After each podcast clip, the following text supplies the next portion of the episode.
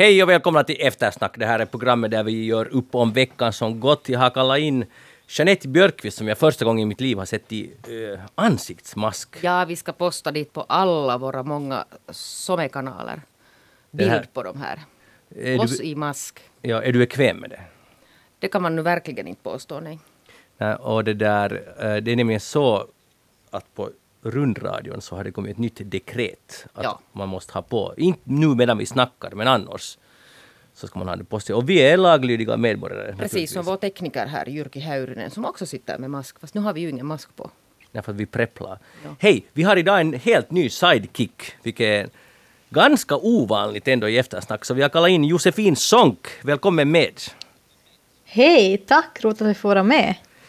Du är författare och ståuppkomiker och bor i Stockholm, eller hur? Precis. Helt korrekt. Och det där, jag tittar på din uh, presentation på webben och där är en sak jag måste direkt få klart för mig. Det där det står att du är också är perfor performanceartist.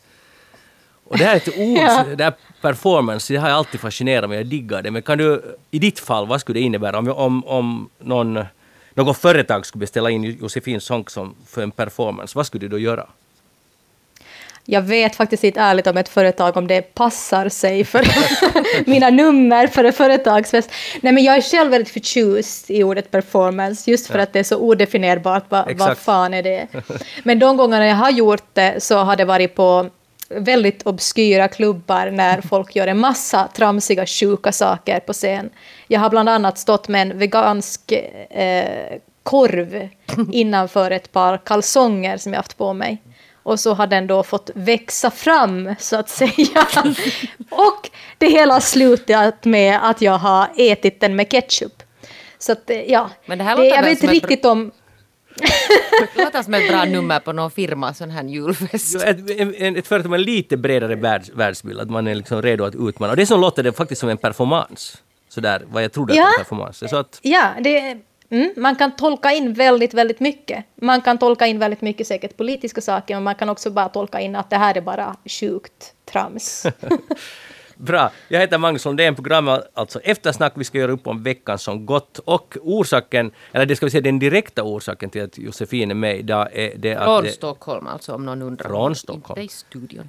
Är det att det skulle ha varit, eller det är bokmässan i Helsingfors för närvarande. Josefina kom ut med en ny bok som kom, om jag minns rätt, för en vecka sedan. Och så vi ska tala om litteratur, om läsande, uh, vid sidan om allt om veckan som gått. Uh, men jag tänkte faktiskt börja med, förlåt, men jag måste börja med mig själv. en, en, en, en oerhört viktig sak som har skett och jag vill berätta det åt alla. Uh, ja, som ni vet så har jag varit då i Trump, Donald Tr Trump-träsket nu i fem år. Och i natt hände något otroligt. Jag är fri. För att jag steg inte upp till den här andra debatten klockan fyra på morgonen, utan bestämde att jag klarar mig utan det. Och endast 7.30 i morse såg jag på en sån här highlights och jag, jag, jag skulle nu definiera mig som en nykter trumpist. Det är lite tidigt Magnus nu för dig att deklarera det här men det är fint, det här är ett första steg. Är det? Att jag ska, jag ska inte ropa hej Nej, och det gör ingenting om du alltså hemfaller till det här igen. Vi förlåter dig och så tar man bara en ny start. Mm -hmm. Men jag skulle kunna få lite mer uppmuntran av dig. Nej, men ser du, det är så här med beroende att det, där, det, tar, det tar ett steg framåt och kanske ibland två steg bakåt. Ja, jag vet vad du talar om. Uh, Josefin, hur har du det med Donald Trump i, i, i det här beroendeförhållandet? Eh, ja, jag kan inte säga att jag känner igen mig i din eh, beskrivning. Det låter väldigt, väldigt jobbigt. Jag undrar ju direkt liksom hur det har påverkat ditt övriga liv om du liksom stiger upp mitt i natten för att Hemskt titta dåligt. på olika debatter och sånt. Hemskt ja. dåligt. Alltså jag, jag, kan inte säga en enda god sak som har kommit av det här beroendet. Nej, jag kan inte heller faktiskt. Om man tar till exempel om man dricker för mycket uh, öl, så finns ju alltid något gott i det också ibland. Men i det här finns det ingenting. Nej. Har du någon slags så här, då, Trump liksom krapula dagen efter? Att du, liksom eftersom du har varit uppe på natten och tittat på debatter, att du då eh, har huvudvärk och eh, mår dåligt på dagen sen? Ja, förra debatten mådde jag faktiskt ganska dåligt och jag var jävligt, jag var rasande helt enkelt. Och det var egentligen det som fick mig att nu stå över. Att lyckligtvis framkallade han det här, mitt raseri och det gjorde att jag höll mig borta den här gången. Du måste alltså Josefin veta att han har varit alltså, han har, han har knarkat äh, Donald Trumps Twitterkonto. Han, är alltså, han har varit mycket beroende av det här. Ni har stängt av det? Bra, Magnus. Ja. Men det där, mm. eftersom vi inte ska tala endast om mig nu så går vi faktiskt vidare. En allvarlig sak som har hänt i Finland. Uh, Vastaamo som är ett psykoterapicentrum. Uh, deras patientuppgifter, eller i alla fall 300 eller flera hundra patientuppgifter har läckt ut. Och det är en utpressare som vill ha 40 bitcoins för att sluta läcka ut de här uppgifterna på på Tor, det mörka nätet. Alltså det är så att någon har hackat sig in i deras system och ja. stulit de här och sen börjar alltså småningom lägga ut alltså sådana här mycket det där känsliga uppgifter om människor. Allt vad man kan ha sagt på sin session och jag tycker att det här är, uh, det är ganska elakt för att nu använda ett underord. Det där, vad skulle man kunna göra att, så att det här inte kan upprepas, Jeanette? No, man måste ju alltså det där ha koll på på sina säkerhetssystem på nätet. Mm. Jag tror inte alls att Vastamo är det enda alltså fragila systemet dit någon alltså lite avancerad hacker kan ta sig in. Ja. För jag funderar på en sån sak, om, om jag skulle gå hos en psykoterapi så skulle jag nog inte tycka om det här hemskt mycket. Och jag, skulle, jag började fundera, skulle man kunna kräva, nu är jag helt allvarligt, skulle man kunna kräva att den man går hos endast gör anteckning på penna och papper? Att skulle det vara en modell, för att jag menar all, alla system kan ju hackas. Nej, men det är ju det vad jag tycker att det här är alltså den här, en av de här viktigaste poängerna här är att så här fragilt är våra system när vi alltså har gjort oss fullständigt beroende av, av nätet. Vad skulle månne hända i Sverige? Månne någon skulle få avgå? Ja men säkert. Nej, men det först, I Sverige skulle det alltid först... Eh, det första man gör är att man gör en utredning. Och sen gör man en till utredning om en utredning. För att sen kanske göra en, ännu en utredning men om kanske, de här två tidiga utredningarna. Innan man då till sist bestämmer någonting. Men kanske också en krisgrupp där någonstans? En, absolut en krisgrupp skulle tillsättas. Men jag också när jag lä, läste lite om det här så det jag blir mest provocerad av, jag tänker att det hade varit min journal som mm. hade varit med här, att det är inte själva utläckandet som gör mest ont, utan att någon annan läcker ut. Alltså jag vill åtminstone få läcka ut min egen journal själv. men, men den friheten hade du inte den här gången? Nej. Nej, det, och också att det känns som att om man nu tycker att det här är en kul grej att göra, kanske man själv skulle behöva ha en ganska tjock journal. Det är alltså sant. om man, ja. man, man borde, är den som hackar. Man borde läcka ut den hackades journal helt enkelt. Ja, ja alltså jag hoppas ju innerligt att de får fast den här människan. Uh, sen är det tyvärr alltså tror jag så, som den pessimist jag är, att det här också kan alltså trigga andra att, att om man tänker att, att man har kommit på det här. Att vad ska jag göra nu? Jag hackar in mig alltså på en psykoterapi sån här databank och börjar läcka ut människors privata uppgifter.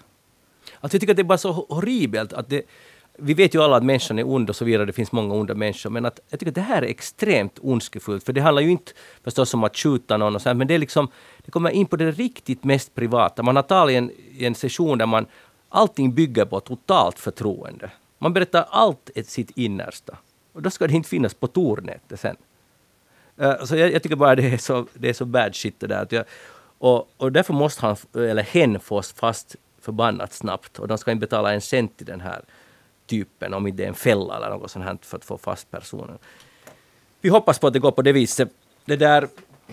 Uh, ja, nu tänkte vi tänkte faktiskt glida in på litteraturen om bokmässan som skulle ha varit Josefin, du har skrivit en bok uh, som heter Jag måste sluta tänka på Patrik Lundgren. Och det där, ja, grattis till det. Hur känns det att ha ute sin första bok? Det, det känns väldigt roligt och lite bisarrt nog, måste jag säga. När man, liksom, man skriver och så plötsligt står man med den där i sin hand och tänker jaha, ja, men nu är den här. ja, det måste vara ganska magiskt på något sätt. Hur, hur länge det där, ska vi säga från tanke till att boken stod färdig, så hur lång tid var det? Från det att du tänkte hej jag borde skriva en bok, tills den faktiskt utkom? Eh, eh, första tanken kom i januari 2019. Mm. Så att, ja, ett, ett och ett halvt år. Det är nog ganska snabbt. Hör du, jag har läst din bok uh, under den här veckan. Jag har också ja. läst färdigt Jeanettes bok, så jag har faktiskt fått ganska mycket dos av, av eftersnacksmedverkare.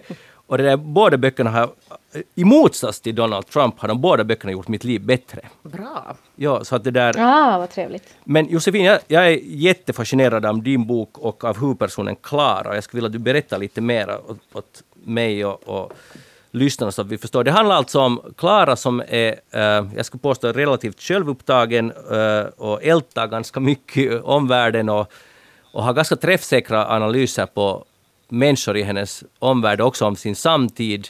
Men hon är ju också väldigt störande och en ganska jobbig person. Det här är bara min bild. Hur, vad är din bild av Klara? Mm.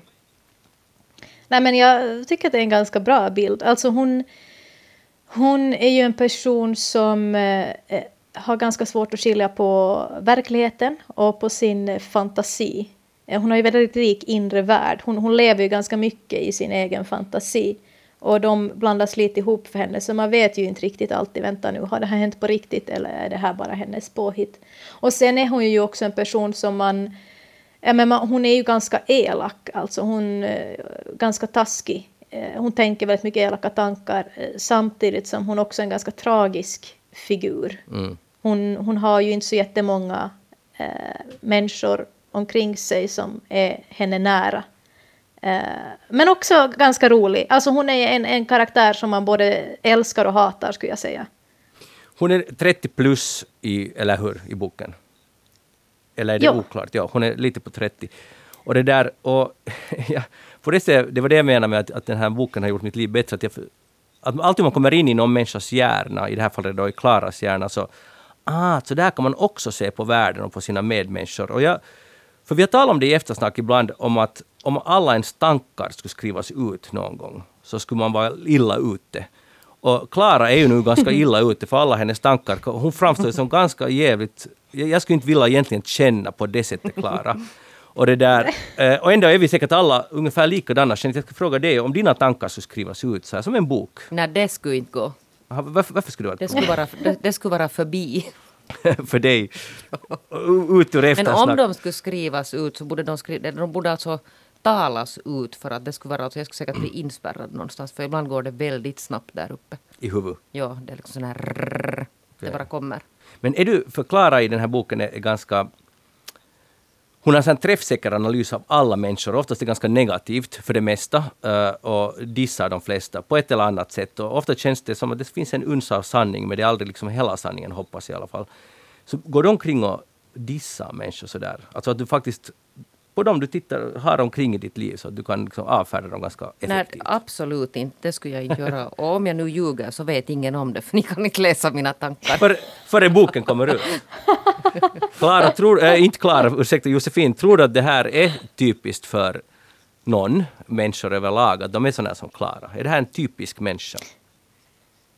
Jag tror kanske inte att hon är typisk, men däremot så liksom hur, när jag tänkte när jag skulle skapa den här karaktären så så idag är det ju väldigt mycket så här, vi är ute på sociala medier och man ska väldigt mycket liksom visa upp en viss bild, man bygger liksom sitt personliga varumärke där och det vill man ju att ska vara felfritt och perfekt. Men, men jag är väldigt oförtjust överlag i karaktärer som man kan säga är god eller ond, för jag tror att vi har alla våra sämre sidor.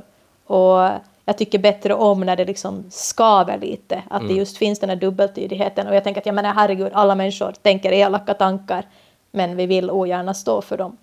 Uh, så att jag tror absolut att nej, det är nog knappast, det finns nog inte många människor, på det sättet hon är en typisk person, att det finns nog inte många människor som skulle vilja ge ut hela sin hjärna på det sättet och med, med alla ens tankar tror jag att alla har någonting att skämmas för.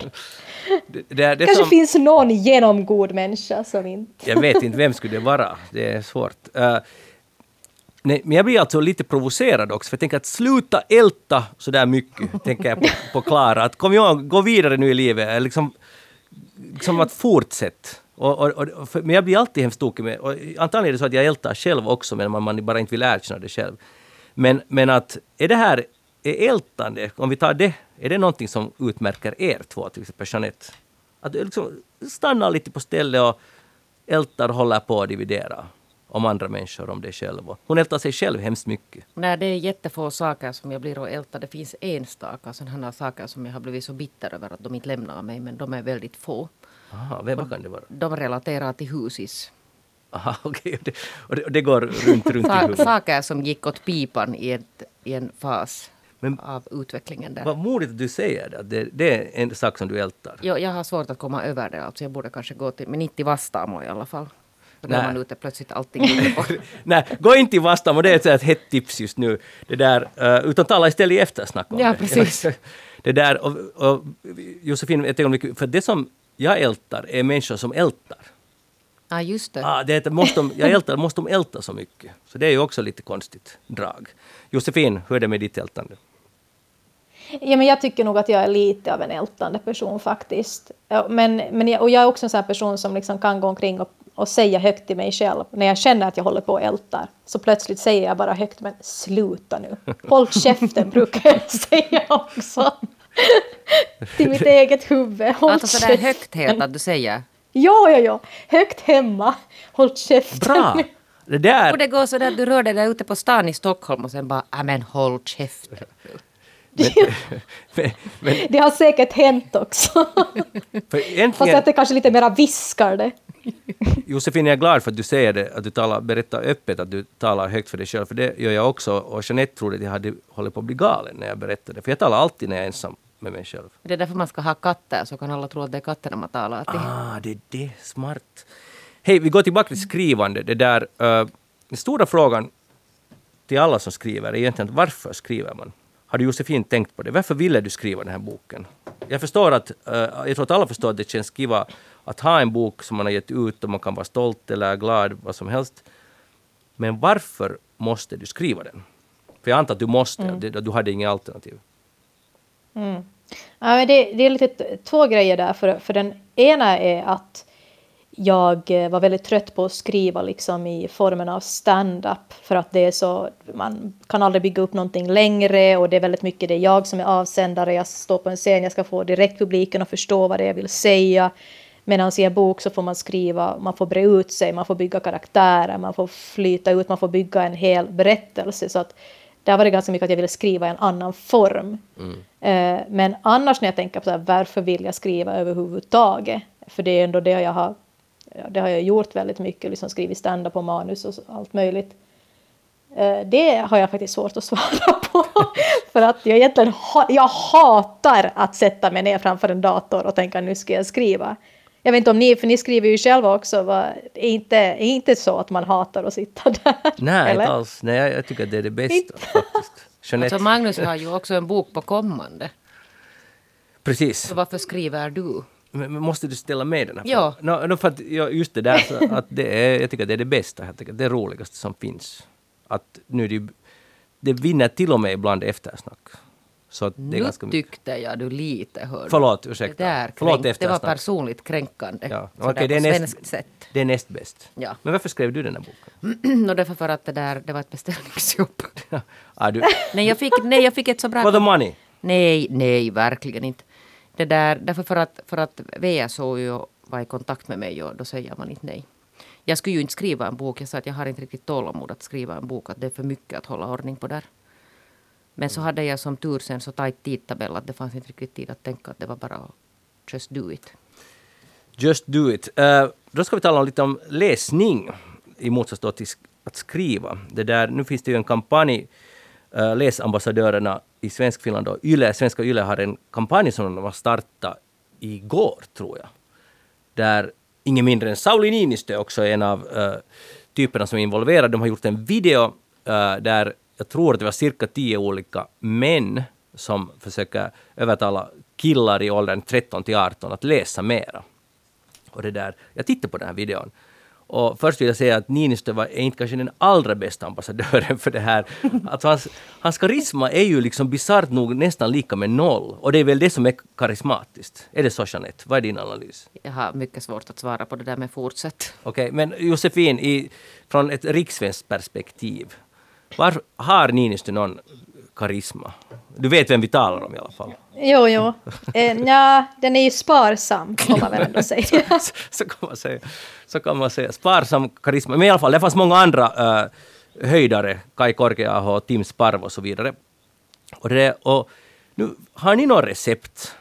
Hur får killarna, och är det här ens problem, gäller det kanske också få tjejer att läsa mera, men det sägs ju att pojkar i tonåren är de som läser minst och det är en kris. Men var det inte den här, säg nu du Magnus som är bättre insatt i hockey, den här ena hockeyspelaren nu i VM-laget. Som, han, som berättade att, att han satt alltid, alltså när det var någon sån här slötid, så satt han och läste. Och det hade ju sen alltså genast synts på I bibborna. spelet? Nej, i alltså bibborna. på bibborna. Att, att plötsligt var det så att oh, en sån här cool hockeyspelare läser jättemycket. Och då hade, därom förtäljer inte däremot mina uppgifter att var det pojkar. Men rimligtvis var det alltså också pojkar som blev inspirerade. Att kan en hockeyspelare läsa, då ska jag väl också läsa. Här var en hockeyspelare en av de här tiderna, det var en polis också, alla möjliga. Och det sades det här att, och jag visade det här för min 13-åriga son, att funkar det här för dig? Och han gav helt okej vitsord för den här videon. Uh, det var, jag tycker det var det bästa Markus Rosenlund sa, att det finns en bok där på Bibban som ropar på dig. Och det var ganska bra sagt. Och det här var Ossian helt, oh, nu sa jag min sons namn, men det här var hans reaktion var just det att, att han reagerade på att han måste gå och kolla var den här boken finns på biblioteket som ropar på honom. Så det var ju ganska bra. Josefin, din bok, uh, skulle du rekommendera den för tonårskillarna som inte läser? Säg ärligt nu bara. Ja, alltså, jag, jag, jag, tror, jag tror att ja, det, det, det finns en risk att den också kan eh, skrämma bort dem från ytterligare läsande. Men däremot så är ju min bok ändå ganska, för jag tänker att det kan vara ett problem just att eh, böcker är liksom, det är långa kapitel och långa meningar och så när jag tänker att håller unga idag med ett attention span som är ganska liksom kort borta från läsande. Där är ju min bok väldigt, den är väldigt eh, liksom, korta texter, korta liksom, snuttar. Eh, så att på så sätt är, kunde den ju passa eh, rent liksom, formmässigt. Att man inte behöver kolla koncentrationen så länge för att komma till slut av ett kapitel. Men, men generellt innehållet vet jag kanske inte om. om en 13-årig pojke med mycket hormoner, är- om det är Nej, rätt. jag är ledsen Josefin, men till min 13-åriga son så tänker jag inte ge den här boken. Så Men alltså, den, har, den, ropar blir- inte på honom. Men Magnus, du som har tre pojkar, du som har uppfostrat eller håller på att uppfostra tre pojkar, så har du läst. Alltså jag kan tänka mig att ni är ändå ett litterärt hem. Att du har på något sätt liksom gett den här litteraturen redan när de var små. Alltså, det är ju nog- där det börjar. Inte kan ju Sauli Niinistö i en video sen om inte man någonsin har liksom varit intresserad i hemmet av böcker.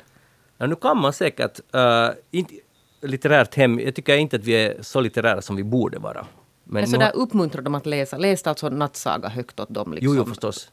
Men, men, men att nu skulle vi kunna ha bättre resultat om man säger så. Men, men nu läser de alla lite. Ja. Nej, för jag vet alltså inte att, att korrelera det. Det finns alltså, jag vet sådana människor som alltså har faktiskt sådär att man liksom ger boken och vet du, på något sätt prånglar ut den och sen tappar pojkar kanske intresse i alla fall sen oberoende hur man försöker.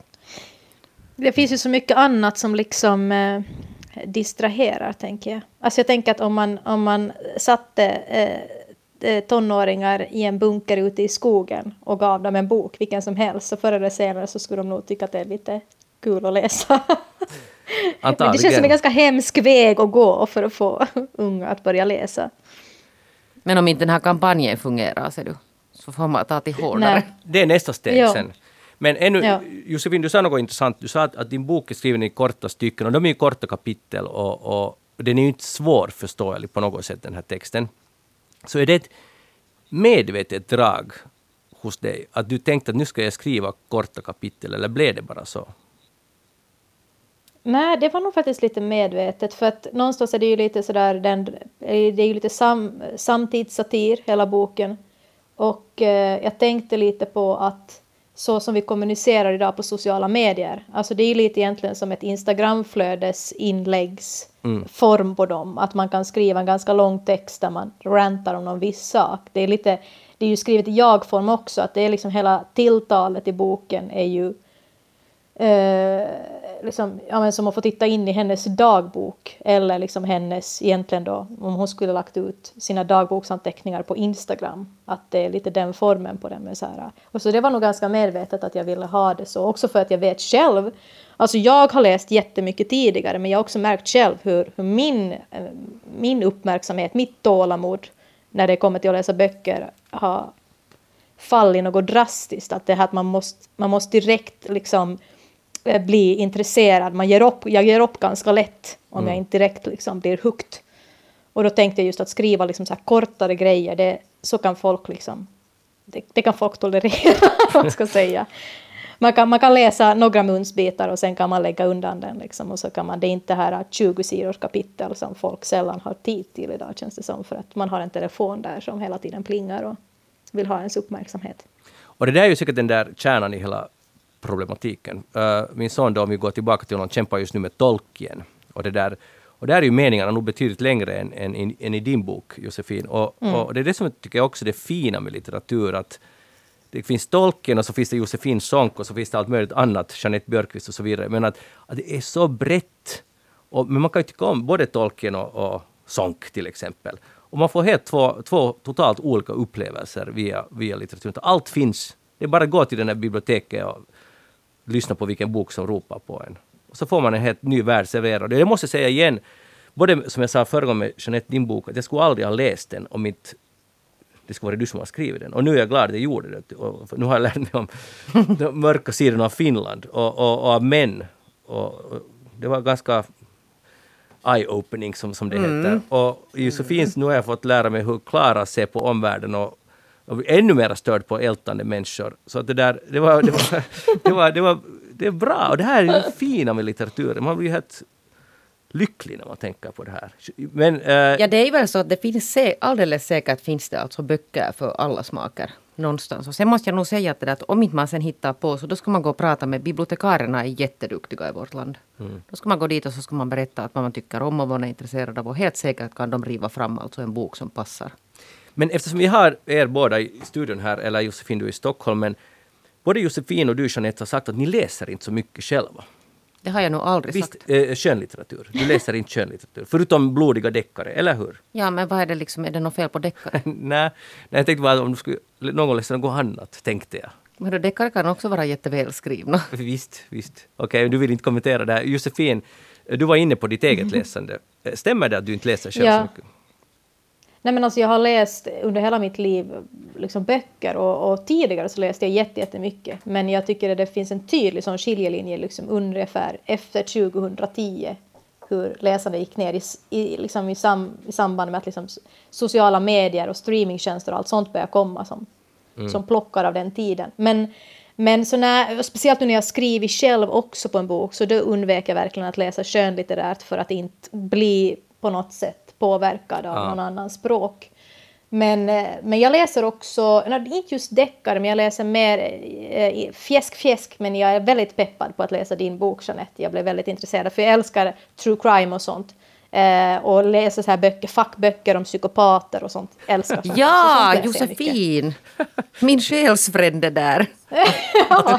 Det här är helt otroligt. Ja, det här är helt otroligt. Vad är det med er? Nåja, men, men det är bra. Det är bra.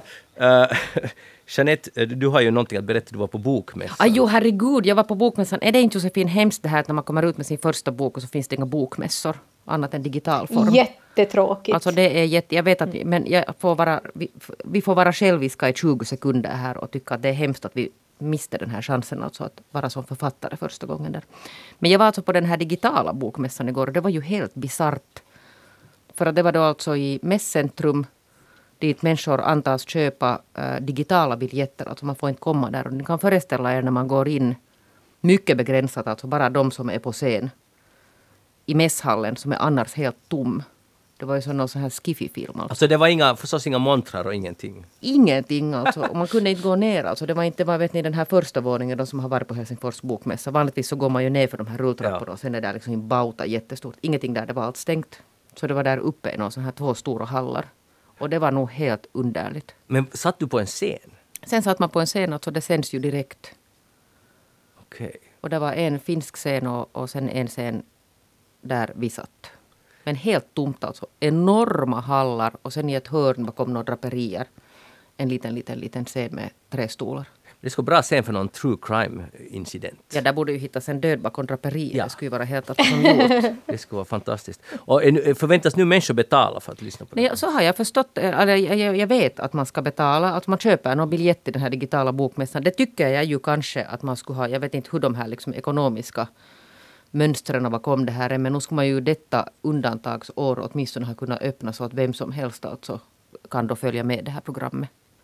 Och jag förstår att, att någon skulle säkert ha gått ekonomiskt back men vem det är så det vet jag inte. Mm. Vi lämnar litteraturen där och istället ska jag fråga dig, Jeanette Björkis, vad du har tänkt på den här veckan. Nej, jag ville där börja med att fråga er, att, dricker du Josefin öl? Ja. Men dricker ni från flaska eller dricker ni från glas? Jag är inte en superstor öldrickare, men det viktigaste för mig är att det inte är blaskig, blaskig öl, så kanske oftare från flaska ändå. Ja, alltså jag, jag har helt klar policy och det är små flaskor, alltså tredjedels liter. Det är från flaska. För då kommer, får, får man lillfingret under den där, liksom, man får en ganska bra grepp. Men om det är en större en burk eller en större burk eller en större flaska, då är det absolut glas.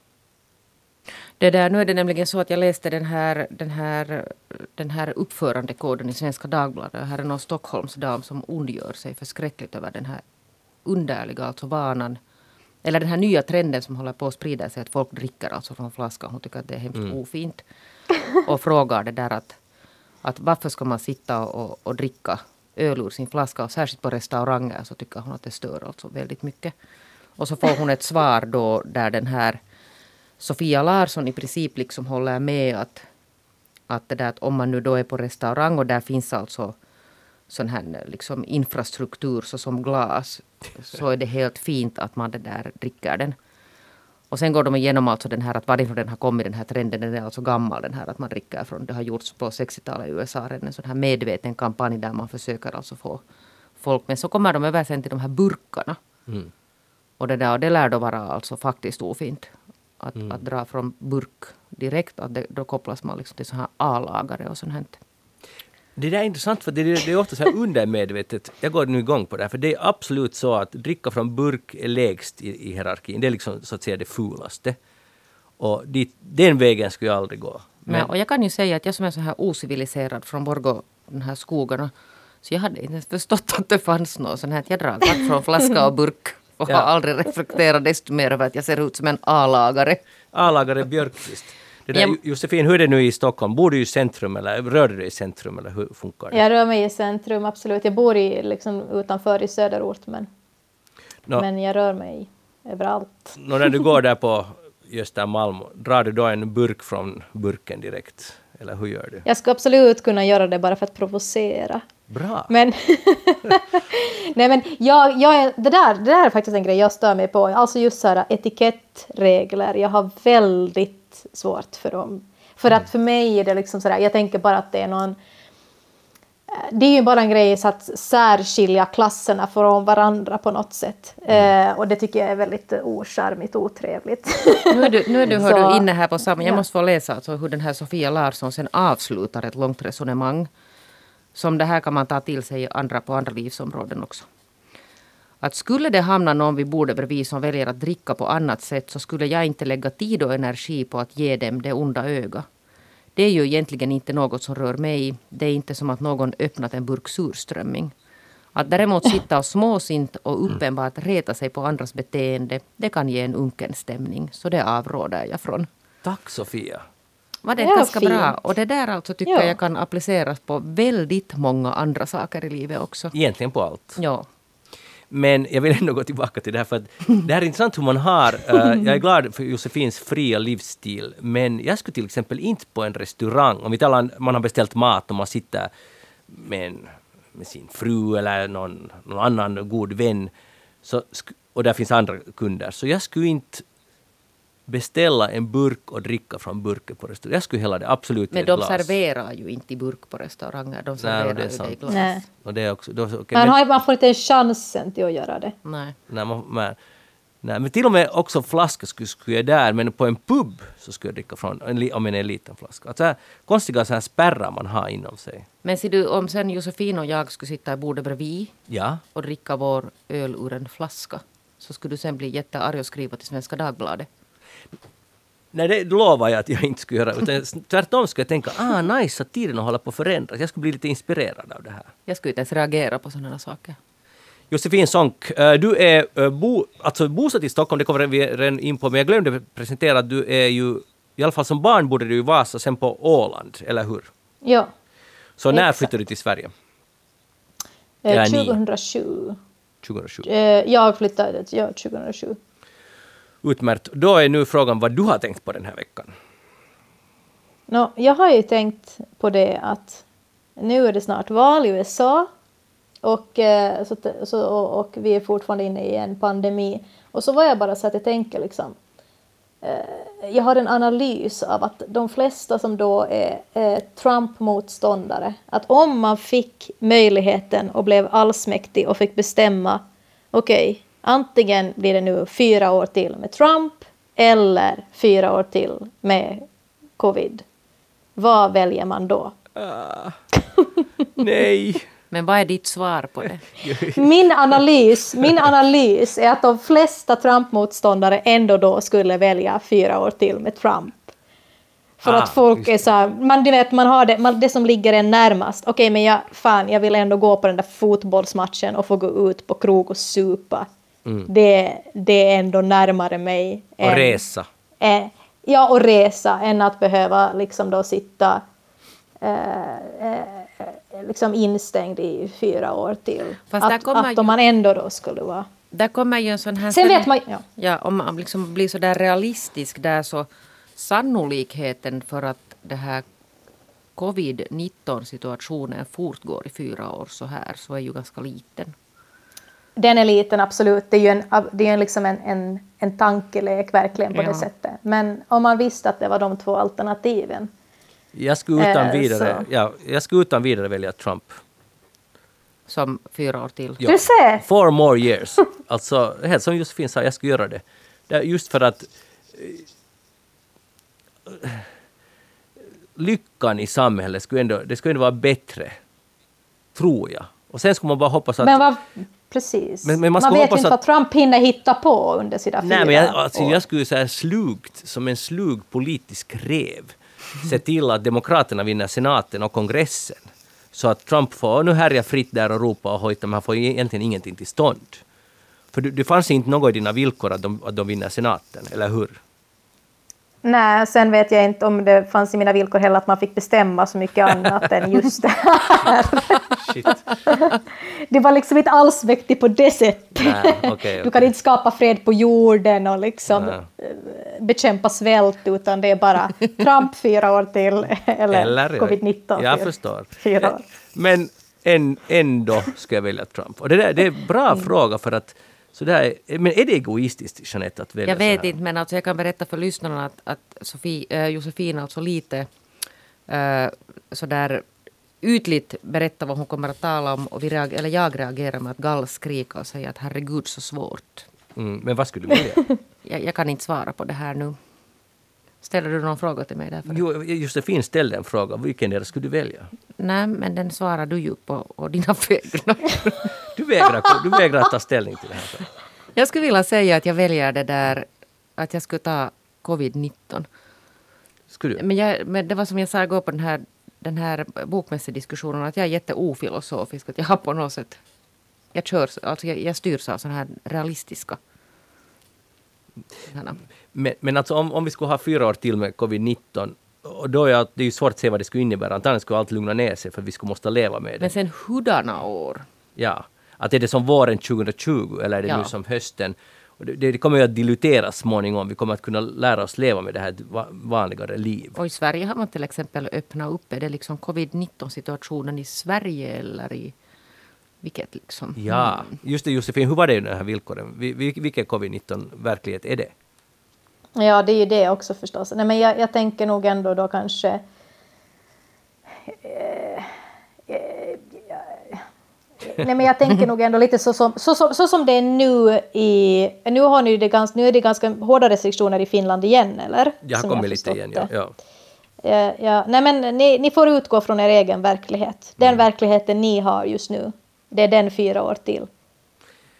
Jag, jag tror det skulle göra, alltså mä- människor mår inte bra, alltså psykiskt. Nej, jag, jag, nu håller jag nog med och nu tänker jag inte alltså bara på mig själv utan jag tänker på en massa andra också. Att människor mår, och skulle det här pågå fyra år till så det är inte bra för den mentala hälsan och sen kan man inte ens gå till Vastamo då. Nej, man Då kan inte gå till. Vastamo och, och, sen, och, sen, och då skulle nog bli slut på min nyktra trumphet, utan jag skulle hamna in i träsket igen. Men det må så vara då. Vadå, fyra år till, inte det är så farligt att, att varje morgon vakna till Donald Trump. Ja, och så måste vi komma ihåg att vi bor ju i Finland. Ja.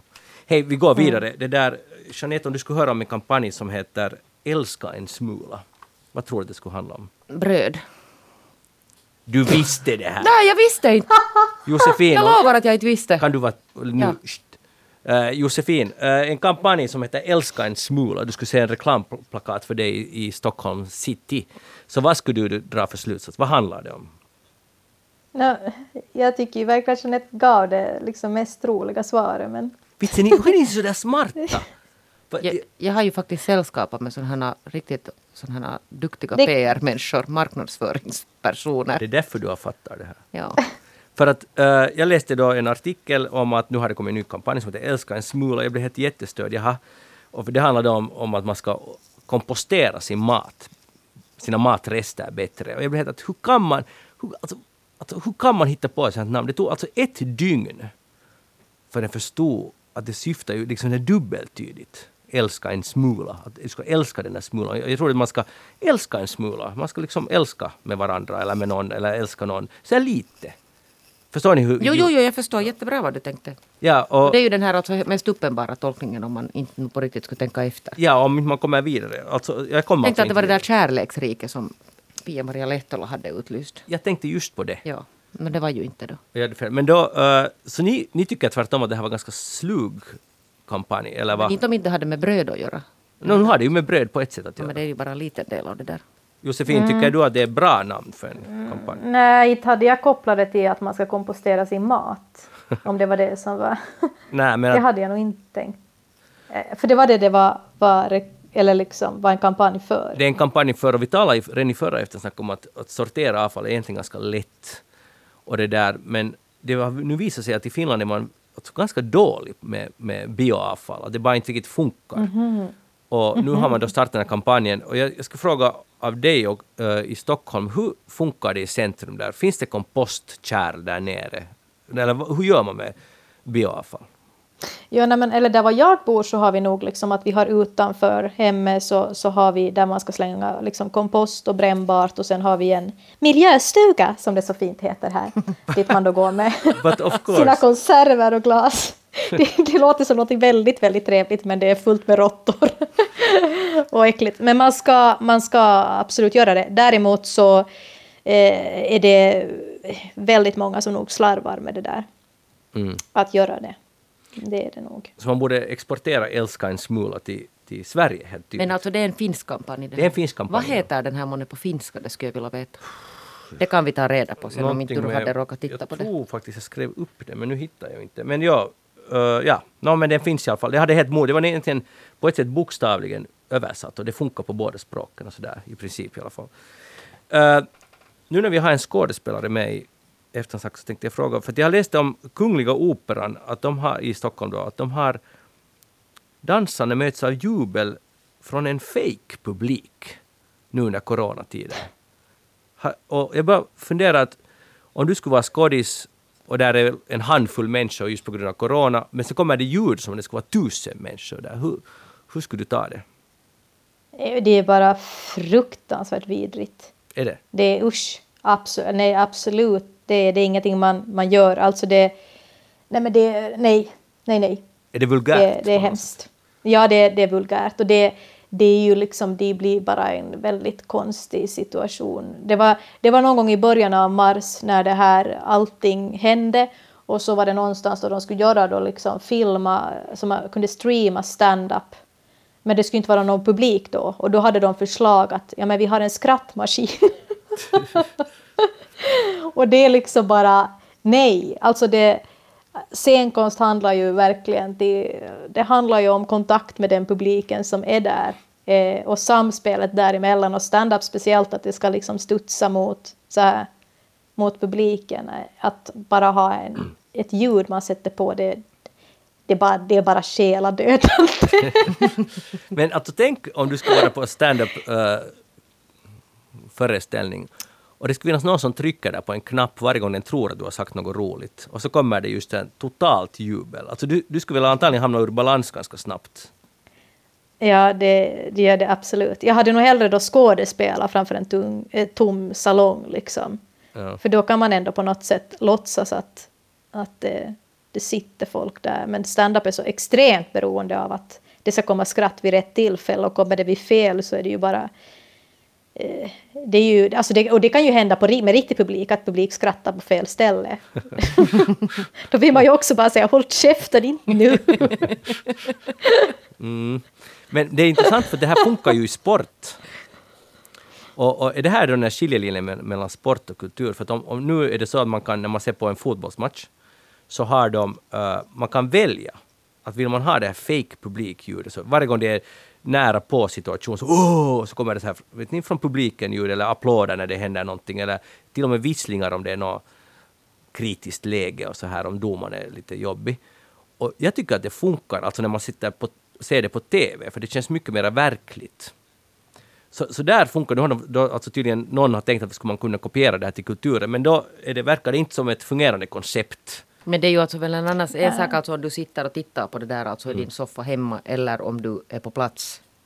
Ja, det, det är nog säkert det som är skillnaden. Hey, vi går vidare till Mike Tyson, vet ni vem det är? Ja. Josefin? Ja. Ah, bra. Ja. Uh, för han ska göra comeback. Jaha. Ja, han, är, han är bara 54 år Jag gammal. tänkte ju säga att han kan inte helt unga. Va? Ja. Jag trodde han var jättegammal. Okej. Ja, hör, hon är Ja, fem- 54 är inte alls gammal. Nej, precis. Just det. Och Mike Tyson ska göra comeback och jag är så inspirerad av det här. För jag har hört en två timmars podd där han mumlar. För han, han kan i princip, han kan nog snacka men det är ganska så mycket mummel. Men han är tydligen i perfect shape. Och han ska alltså boxas mot, och det här är en enorm grej i USA, mot någon som heter Roy Jones Jr. som jag säkert jättekänd Uh, men jag känner till den här världen överhuvudtaget. Men jag blev lite inspirerad av det här. Att, att, att göra comeback som 54-åring. Jeanette, kan du nu ge en analys av det här? Ja, men det, här, är- alltså, det här är ju bara i linje med allt annat vad du har sådana här uttryck nu för din ålderskris. Är det så? Ja, det kommer mycket. Det var barfota, vet du, spring och det är allt möjligt. Det kommer och går av de här. Och nu är Mike Tyson. Och du söker ju alltså dina de här förebilderna. Ja, men jag har aldrig följt med boxning någonsin i mitt liv. Nej, men nu ska du ju göra det eftersom du är väl lite sådär ungefär samma ålder där ganska snart. Men Magnus, det är bra. Mm. Jag, jag, det där, jag uppmuntrar dig att, att det där följa och bli inspirerad av Mike Tyson. Jag måste söka lite stöd här från Stockholm. Alltså, om uh, Josefin, du tänker dig att är det inte liksom är det inte lite freak? Alltså jag uppskattar mera det här, det är så bisarrt och så på ett sätt så dåligt. Men ändå, just därför är det så bra. Och han får dessutom, vilket är inte helt eh, en liten grej, 40 miljoner dollar, nej 50 miljoner dollar ska det betalas för det här spektaklet. Men det, är ju, det kan man ju inspireras av. ja. Men, men eh, är, det en, en, är det en vacker syn när 54-åriga män gör sån här comeback eller är det inte en vacker syn? Men kan du, vet du någonting om den här hans motståndare? Att vilken liksom... Roy Jones Jo, Jr. jo, jag förstår, men är, han alltså, är, det, är, har de, är de samtida så att säga? Jo, jo, jo, de är i samma åldersgrupp. Nej, men det är väl inte fel att sådana här, sån här vet du, gör comeback och, och boxas. Jag menar, de är ju herregud båda då säkert proffsboxare, Mm. varg. Ja, det, är de definitivt. Och alltså jag tycker det som det gör, det, jag tycker det inspirerar för det att inspirerar, inspirerande är därför att det visar att livet är längre än man skulle kunna tro. Man kan gå upp i boxningsringen också, också som 54-åring. Men du har ju alltså det där Magnus antagligen nu missat den här, den här reality-showen som gjordes, eller programserien. Där man alltså sammankallar det här finska bejublade år 1995-laget. Och de har alltså spelat en sån här eh, returmatch mot det svenska VM 95-laget. Va? Har du missat det här? Ja, det har jag missat. Ja, Jaha. så då har de alltså släpat. De är ju också det där, det har ju vattnet har runnit under bron så att säga sen. Och det var nog på något sätt jättefascinerande att titta. För många av dem var ju, alltså, de är ju så sönderspelade att de inte klarar av alltså, att spela mera. Och sen andra hade blivit så dåligt skick att de hade såna här extrema, alltså det där långa träningssessioner och fysioterapeuter och allt möjligt för att ens klara av alltså att gå på. Men det har spelat, förstår du, en sån här match och det har filmats och det har sänts på TV. Och jag var helt alltså, jag var helt alltså Jag skulle fast vid aldrig den här. ha När skedde det här? Alltså det måste jag, alltså, jag, jag gissar nu men jag tror att kanske i början av det här året. Såg du på den här? Såg du på den här Jag har matchen? tittat, nej, nej, nej, jag visste inte som att jag tänkte att herregud om man skulle ha vetat det. Ja. Men jag tror att det har hållits på något sätt så där inom, på något sätt lite små kretsar för att, för att de gjorde det här tv-programmet om den här. Guldet i Globen. Alltså det var ett helt fantastiskt program det här. Josefin, snackas det mycket om i Stockholm om guld i Globen? Helt säkert inte. Nej, Nej. nej det är nog inte. Det har varit Om man inte råkar, om man inte råkar liksom träffa på sina finlandssvenska kompisar då, då kan det snackas om det. Hej, jag ringde till skattebyrån här Mm. i Finland. Skatteverket. Skatteverket, ursäkta. Och det är ju helt fantastiskt när man ringer dit och man, man har något, något bekymmer. Så ringer man till det svenska servicenumret och så svarar de på österbottniska. Alltså det är, jag blir så varm om hjärtat. Jag är i goda händer och jag litar på det. För det går inte att vara oärlig på österbottniska, vi- vilken dialekt de nu sen må tala. Men jag, jag blir alltså jag blir sådär tack. Oberoende vilket, till exempel sa hon åt mig, jag, gjorde en, jag skulle göra en klagan på min fastighetsskatt och jag hade helt rätt i det här för de har själv korrigerat. Så ville jag korrigera det retroaktivt bakåt och hon sa att absolut ska vi göra en sån här rättelse eller vi ska undersöka saken. Sen sa hon till slut att det kommer att ta minst ett år. Jag var helt tack. Hon talade, hon talade med den här pålitliga accenten som jag, jag bara trodde på allt hon sa. Men är det så Josefin, du har rötter där? Ja, Ja. funkar det så? Ja.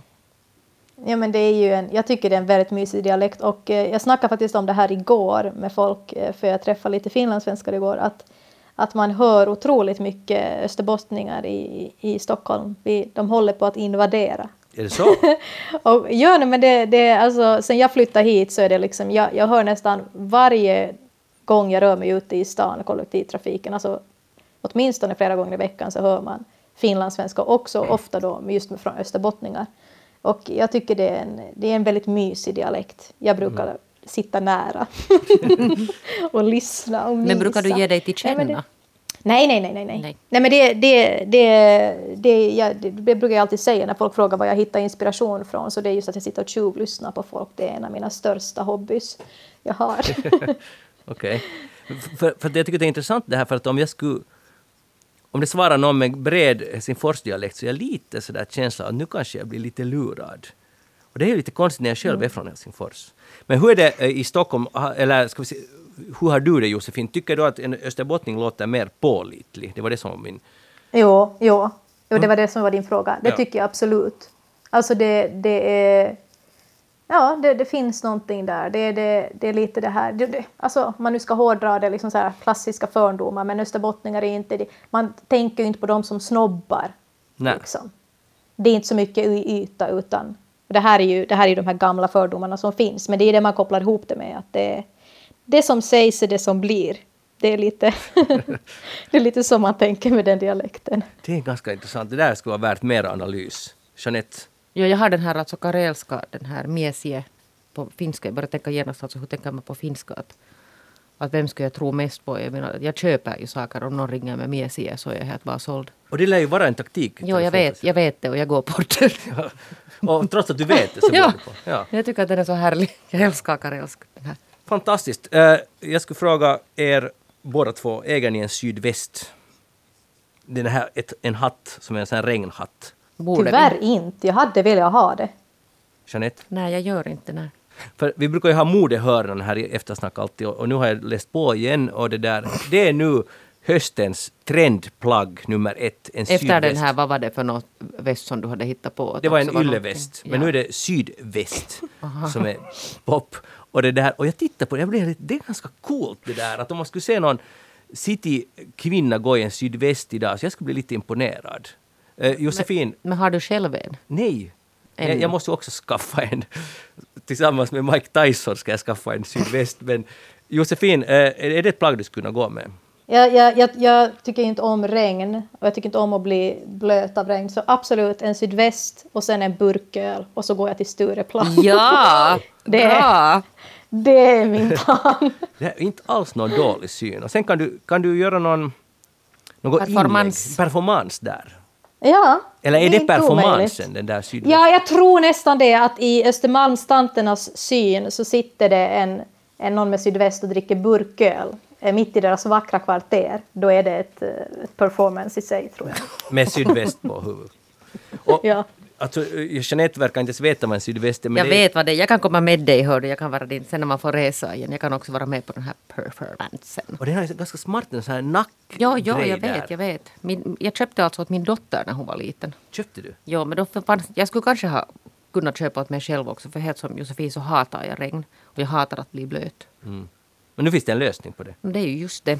Men håret blir bara sen så platt.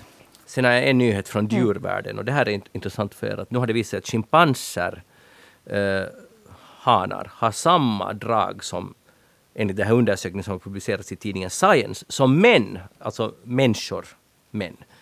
Det vill säga, och det här, jag lite undrar om det här kan stämma, men i alla fall, det har visat att chim- chim- schimpanser på ålderdomens höst så föredrar de att umgås med gamla polare. De gör inga, inga nya bekantskaper längre. De vill helst umgås med samma gäng de har umgåtts tidigare med. Och, och, det här, och de har alltså studerat, fattar ni, under tiotals år har de filmat schimpanser. Nu har de kommit fram till resultatet att de är som Jappa, alltså äldre killar. Och de har inte studerat äh, kvinnliga schimpanshonor, därför för att de har kommit fram till att de är inte alls så sociala och bryr sig inte alls om att bygga så här vänskapsband. Och det antyds att det är lite som människor. Jag skulle fråga om det stämmer det här, Josefin?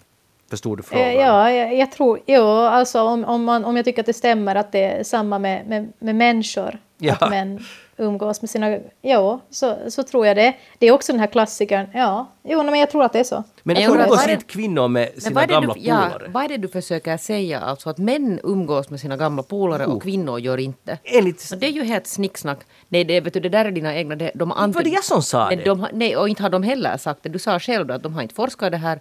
De har bara antytt någonting, men det finns inget forskningsresultat på det här. Tydligen Men jag, tänk, jag tänker att det handlar om att så här, men kvinnor har sina gamla polare men de kanske fortsätter skapa nya relationer Ah. längre Ja. upp i livet. Medan män har de här de har och inte så- kanske så jättebra generellt på att skapa nya. De stagnerar så att säga. Tur att Josefin Ja. var med, nu förstår Bra. jag. Det var det det handlade om. Jeanette Björkqvist umgås med nya och gamla vänner Ja. i sydväst. Tack för att du var med idag. Och tack till Josefin Sonck som har varit med också. Och kanske vi får höra det en annan gång i eftersnack. Vad säger du om det? Det hade varit jätteroligt. Vi hoppas på det. Jag heter Magnus Lundén. Programmet är slut för idag. Vi hörs igen om en vecka. Gå in på facebook.com eftersnack och tyck till. Vi hörs igen. Hej då!